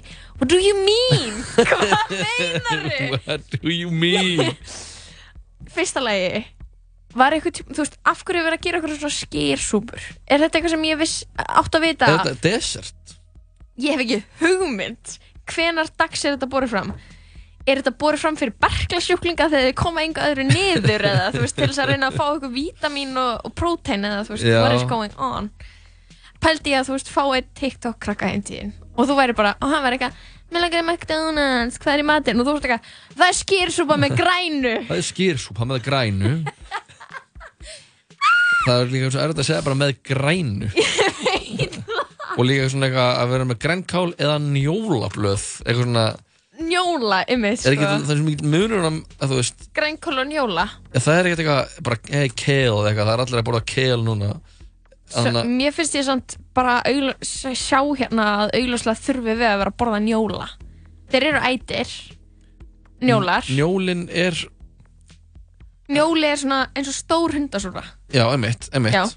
en sko Illgresi, það sem er svo merkilegt við Ísland er Já. að það var svo lengi var ekki ræktaneitina emitt og annars svo er kartaflan kynnt til leiks og hún er algjör svona bjargvættur hérna. Emitt, og heldur lífi í Íslandingum, heldur lífi í Írum, bara, þú veist, solid græmiti. En líka, þú veist, eh, það er svo margt sem við höfum kannski matreitt úr áður Mhm. Og við höfum kannski á landinu til að vinna úr, en erum, þú veist, að flytja inn eitthvað annað erlendis frá Já. sem við gætum kannski, við gætum verið að nýta meira af þeim hráöfnum sem eru hérna. Eins og til dæmis, þú veist, fyrir, ég veit ekki hversu mörgum árum, örgulega á seinustöld eða þar Mhm. seinustöld, Mhm. þá var verið að borða eitthvað sem heitir skarfakál já, það er svona eitthvað kál, eitthvað svona grammeti sem vex við sjó það er mjög C-vitamin ríkt. Þannig að það þarf kannski ekki að flytja inn C-vitamin nei, þarna sítrónu með C-vitamini frá Evrópu eða uh, ég veit ekki, Suður Ameríku eða eitthvað. wherever. Já, skarfakál? já, heldur getur þú borðað eitthvað sem finnir í fjöru skilur mig, þannig að svona með globalization Mhm. þá erum við búin að, já, sannfara okkur um að þú veist, við þurfum eitthvað, þurfum alls konar mat frá útlöndum, Mhm. kannski, þú veist, ættum við bara að vera að bjóra, borða njóla. Njóla og, og skarfakál. ég meina, þú veist, pæling. Og, og skýrsúpa með grænu. Einmitt, og ok, svo er hérna næsta og þetta veka forrætni mína, Jói. Skýrsúpa og svo súrmjölkursúpa hvers vegna verið að gera súpur úr hlutum sem eru vökvakendir já, bara eru vökvi en þarna er svolítið svona, þetta kall, hefur ég uh, bendi mannskja mér á að þetta hefur líka verið kallið svona nammisúpa af Ok. ykkurum, af ykkurum bæ. Ok, og í súrmjölkursúpu það er halvur lítri súrmjölk tvær maðskeiðar hveiti tvær maðskeiðar sigur kanilstöng, tvær maðskeiðar rúsinur og ein sítrónusneið. Ein sítrunum sneið Já, ok, þú sérst að hræri sigur og hveiti saman í potti, hræri út með súrmjölkinni, hitið að suðu, hræri stöðutláti, þú veist, svo setur kanilstöngina, svo setur rúsinur og þú veist, þú borðað þetta bara. þetta hljómar ekki það illa samt. En þetta er samt, þetta er samt hrærð súrmjölk í potti með hveiti og sigri með, þú veist, og svo með sítrónusneið. mér finnst þetta hljóma alltaf lagi uh, ok, En ég bara skil ekki súpunar út úr þessu Nei, ég og- skil ekki alveg akkur, það, akkur færið ekki bara setur ekki bara sigur út á súramjólkina og, og yfir akkur þarfst að gera súp úr því með hveit og sigri kannski er það að því að verður það kannski mata meira? Já, kannski að því að fólk var alltaf að borða súrmjólk í hátteginu og sér svo kvöldin. og vildi einhvern veginn negla sér í við getum ekki haft súrmjólk í hátteginu og súpa á kvöldin. Súrmjölku súpu og, þá. og byggu þá til bara súrmjólk í súpu. en jói, hvað heldur að eggjamjólk sé?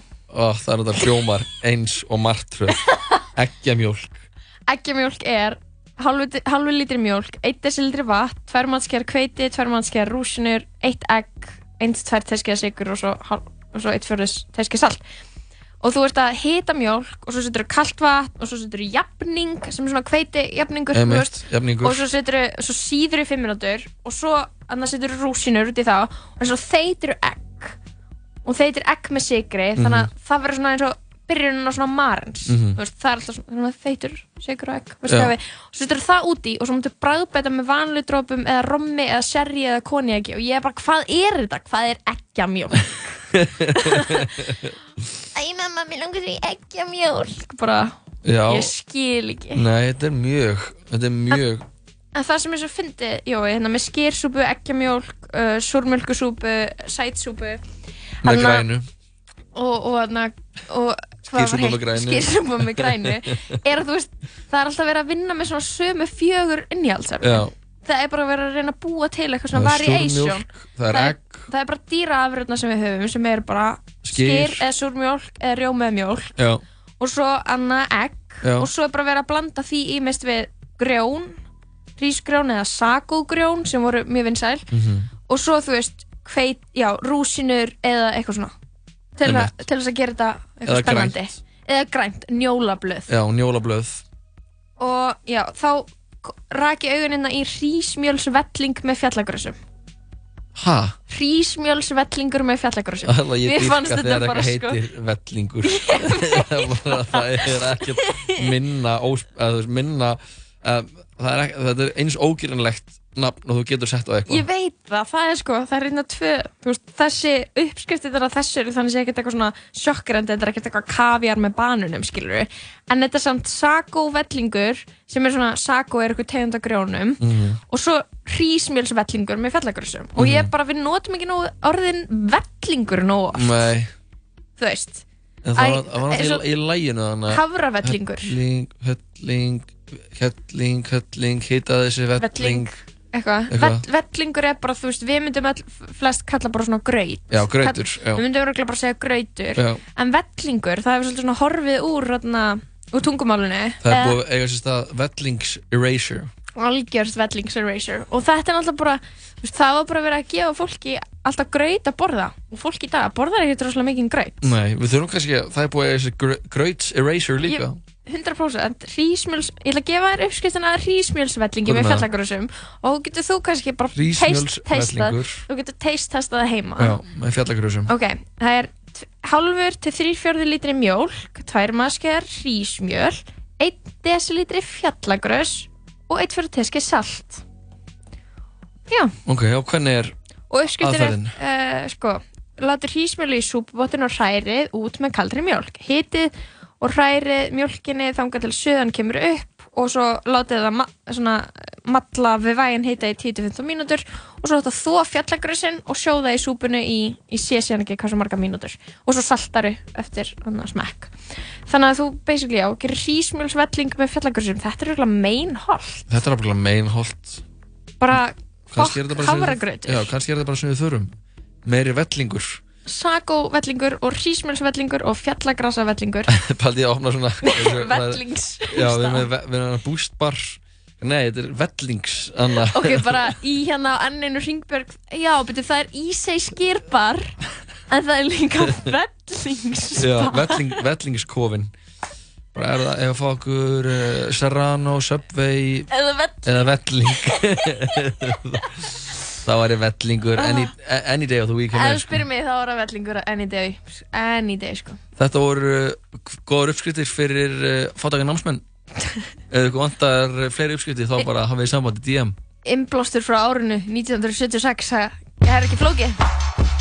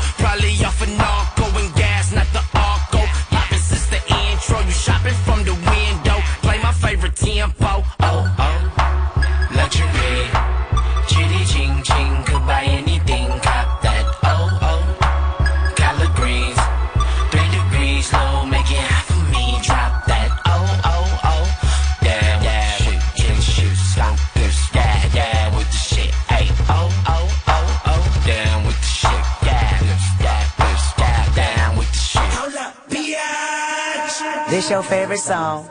Translation, when I keep ven aquí mami, así culo. Tú quiero que me mores, espero puto pendejo. El pinche cabrón. Let's get it nice like this. I'm a night like this. Sword in my hand, I fight like this. And I'm more than a man, I'm a god. Bitch, touche on guard. Two pay trap and a two tits pop out of that tank top and bra. And when I say do, do, do, do, bitch, that BK dog. She wants some more of this. I give her more of this. I order this. In fact, I know she missed the way I floored this. I'm focused. I know my Houston partners drop a four. This and focus and slow it down, down. Alright, let me blow this bitch up fame business. I blame this on you. Cash in the mirror, hang get my penthouse roof. Skyline the clearest, watching your optics. Popping out, you look the weirdest. Pop my top on the 105, head with no power steering. Ah, oh, oh, luxury. Chitty ching ching, goodbye.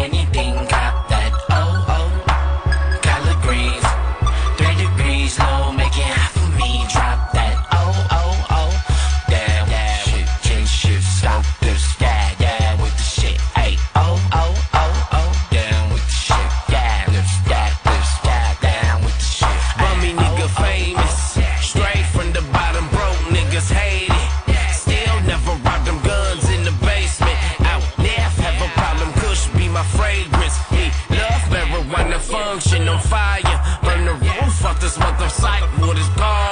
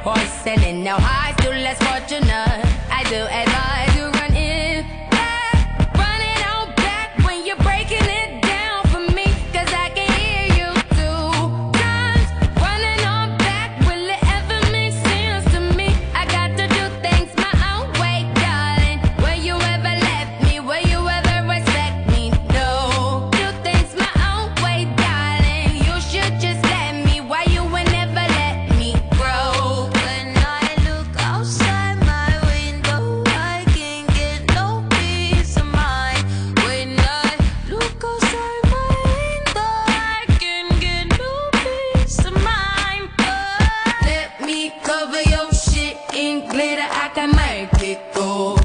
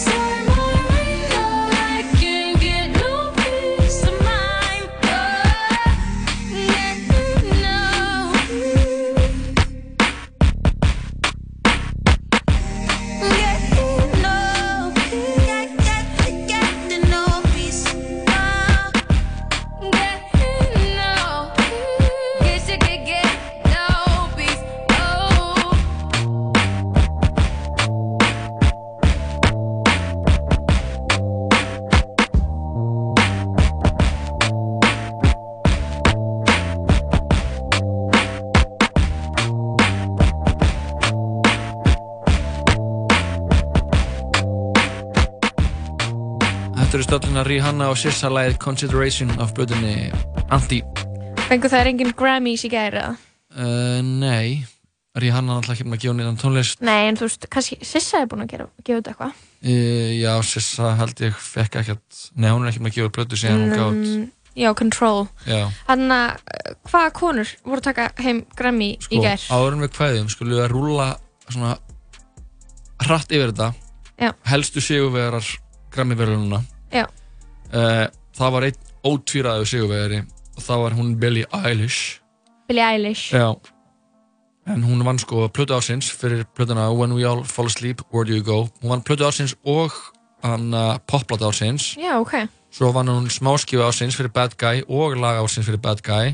Og hún vann líka nýlið ásins Vá, Þannig að hún hirti hún er ótvíræður sigurvegari. ótvíraði sigurvegari. Mhm. uh, Besti solo poplítandinn var uh, Lizzo Já, Li- uh, Truth Hurts. Mhm. Besta pop duoið eða pop, pop það var uh, uh, Lil Nas X og Billy Ray Cyrus fyrir Old Town Road. Já, ok. Uh, besta popplatan í he- hefðbunda, hefðbunda popplatan var Elvis Costello Mhm. and the Imposters fyrir plötuna Look Now. Ok, hefur gert hana. Dunno besta raf tónlistaplatan Chemical Brothers. Besta rockplatan Cage the Elephant, er. Besta alternative platan Vampire Weekend, Fire of the Bride Já, Father of the Bride, fekk hún? Já. Ég er búin að hlusta smá hana. Besta R&B platan Anderson Paak, Ventura. Besta rapplatan, Taliði Greitor, Igor Mhm. og besta countryplatan uh, Tanya Tucker fyrir plötuna While I'm Living. Vá, við þurfum að hlusta á eitthvað af While I'm Living, Já, Jói. mm, Tanya Tucker. Endum hennan að tala saman á uh, lægi með Tanya Tucker. Nei, Þetta er FM-rötti mín. Já. Ég kveikti á einhverju útastöðum daginn og það var bara þe og það var bara svona veistu hvernig það var? Það kom bara svona inspirational quote og svo lag. Ekkert annað. Ef þú ert lítil í þér og finnst þú líta illa út og maður er bara, hey, wow. Og svo kemur bara lag, skilur En við vorum að horfa á vídeoðana rétt á hann af, af Tyler the Creator og tala um uh, um uh, þegar hann uh, vann uh, eða þú veist, hann var nýbúinn að vinna Já, já, fyrir já. raflutuna Mhm. og var að tala um að hann væri með svona smá blendin tilfinningar í, í verðlaununum, af því að hann finnst gaman að vera Mhm. að fá þessa viðkenninga á stór, stóra sviði Einmitt, einmitt en uh, hann þætti þessi verðlaun ekki beint vera að varpa réttu ljósi á fjölbreytileika tónlistar og að Nei, hann- hann, var að segja að hann væri svona genre bending. Sem hann er klárlega er. Og, og finnst þess að hann sé ránglega settur í rappflokk og það hefur meira að gera með þú veist útlitans og kynþátt heldur en endilega tegund tónlistarinnar sem hann er að gefa út. Mhm, Allt sem, uh, hann sagði allir sem lítið út og ég þeir eru annarkvæmt settir í einhvern urban flokk uh, og hann sagði að urban væri bara hana, eitthvað svona politist rétt hugsandi útgáfa af N-orðinu. Og, uh, og að allir sem lítið út og hann sé bara settir í rap það er bara já Einmitt. þetta er rap en, og hann spurði akkur get, getur þetta ekki bara verið pop Einmitt. þessi plata er alveg mikið pop og Billie Eilish platan Einmitt. þetta er bara, hann vinna nákvæmlega sömum miðum. Þannig að það er enn og aftur að, að sanna sig að Hollywood er uh, ennþá stjórnað af gömlum hvítum köllum Mikið rétt. sem uh, verðast vera ennþá með skakka hinsmynd og voru með fyrir fjölda ára og hafa alltaf verið Honum fannst, hann var einhvern veginn líka lýsaði, þú veist, hann var með hann að pólitísku, þú veist, pælinguna hann eins og þú veist segja, með eitthvað, já, ég settir rappflokk út, ég lít, svona út, Mhm. en hann var líka bara með svona mixed feels, eitthvað svona, helmingurinn á hennum bara svona, takk fyrir að viðkenna mig á þessu leveli, Já, já. og svo hinn helmingurinn bara eitthvað, þeir eru basically svona condescending einhvern veginn að klappa mér á kollin, Já, og þú veist, það þú veist, auðvitað ertu alltaf sáttur með Grammy-velun þú veist, það er einhvern veginn engin of góður fyrir að eitthvað svona high up þetta level af er bara en hann, en hann alltaf búin að þú veist pæla mikið í þessu og getur sett í samhengi og þú veist, mixed feels það er eiginlega Já, þetta er, þetta er smá snúið. Mhm. en við óskum honum til hamingju og auðvitað öllum hinnum sem vinnur sér öllun Lizzo geggja á henni og, Lizzo- og geggja á Billie Eilish. Já, Billie Eilish, ég er sko Lil Nas X, ég er með mjög blendum tilfinningar í hans garð. Mér finnst hann óþólandi sko. Já, einmitt. Mér finnst það að vera svo þú þarft að, þú þarft að grafa nánar í það hvað, hvað, það er Ég veit sko. eiginlega hvað það er. Mér Hvað er það? Já, mér finnst það vera Mér finnst hann vera svo eitthvað svona úthugsaður. Einmitt. Mér finnst það vera svo Mér finnst það vera eins og hann hefur verið búinn til á einhverju auðlíkastofu Allt í kringum hans eitthvað svona brand. Hans persóna á netinu að hann og tjáningu. Já, já hann er á netinu eitthvað svona geða mikið svona mýmast eitthvað á Twitter. Hann sé jafnvel með sko uppistandara sem ghostwriter fyrir Einmitt, tweetin sín þau eru bara það fyndin eða þú veist verða væral og svona lúkið hans á öllu og síðan ga- ég náttúrulega hlustaði mjög mikið á Old Town Road og síðan Mhm. Komið sér plata út í eitthvað svona, er þetta búið til að botta? Eða eitthvað svona, mér fannst leiðið þannig. Mér leiði smá þannig, eins og þetta væri, Mhm. þetta var svo basic. Ég fíla einlegnina það er ekkert margir hérna úti sem er eitthvað tilbúinur að taka afstöðu gegn Lil Nas X. Nei, en ég meina verðum við ekki samt að ljúka þættinum í dag á countrylagi? Country segjaverunum á, á grammiðalunum færi ekki námækla spilin í almennu útvarpi. Nei, ég við verðum sko- að veita því áhert hérna í, á útvarpihundræðinum ef að hlusta á hana hana Tanya Tucker ég meina hversu, þú veist hversu slengt getur það verið? Samt á vinsalasta lægi með henni ekki Já. eitthvað af þessari plötu sem vann, hún vann fyrir núna því hún er ekki með sérstaklega marga spilunni þar sko. ok, ég vil ekki taka henni að sensa kannski ok, er, bara tökum vinsalast það já, við tökum lægi Delta Dawn með Tanya Tucker. Við þökkum fyrir okkur í dag, fengum til okkar þau Hilmi Guðjónsson og Þurri Blæ Jónsdóttur Mhm. leikara úr síningunni Helgi Þór Robnar sem er á fjölum borgarleikusins um þessar myndir Hvetjum- hvetjum alltaf að fara á þessa síningu við, við endorsum hana hérna. Þetta er official endorsement, we Aha. approve this message. Hringdu svo í eldfellafræðingin og unnustu mína Ölmu Gíðu Huntington Williams sem sagði okkur hvað er í gangi á, uh, hjá Þorbirni. Fjallinu, að það voru sagt, þessar þetta landris sem er Landris. sér stað hjá Bláa Lóninu og Grindavík. Já, fjallið Þorbjörn í Það Hann er að Þorbjörn. Rofnar. Já, Þorbjörn og kannski Reykjanesbjörðin Rofnar. Uh, Við fórum yfir vikun á Instagram á DF sem við, svona já. Var vakti upp hrylling hérna í vakti upp hrylling við okkur leið bara líkamlega, allan af mér leið líkamlega við að sko þetta og, og letum mig bara setja spurningumarki við allt sem ég tel vera rétt. Og svo uppskriftinnar frá 1976 Pakkaði þáttur á þessum mánundi, við þökkum fyrir okkur í dag og verðum að sjálfsögða sama tíma hér á morgun. Þangar til, lifið heil. Delta Dawn, what's that flower you have on? Could it be a faded rose from days gone by? And did I hear you say he was meeting you here today? To take you to his mansion in the sky.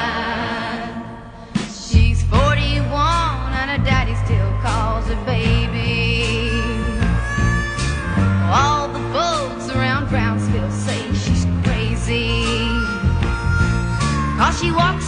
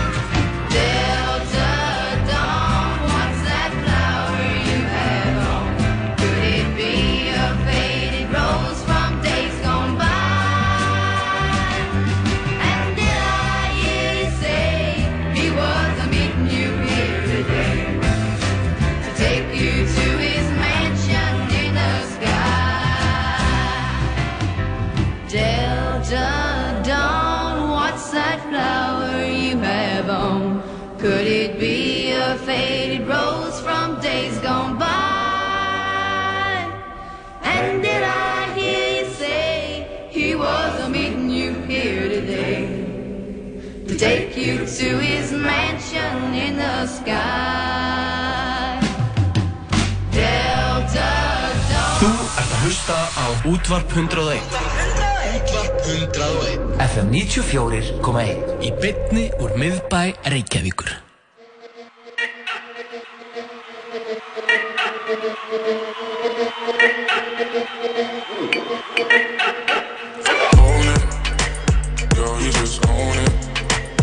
body's on fire. Show me how to control it. And go ahead, you flip and get higher. Girl, I love how you roll it. I put my hand there. Hold it, I'ma be right by you.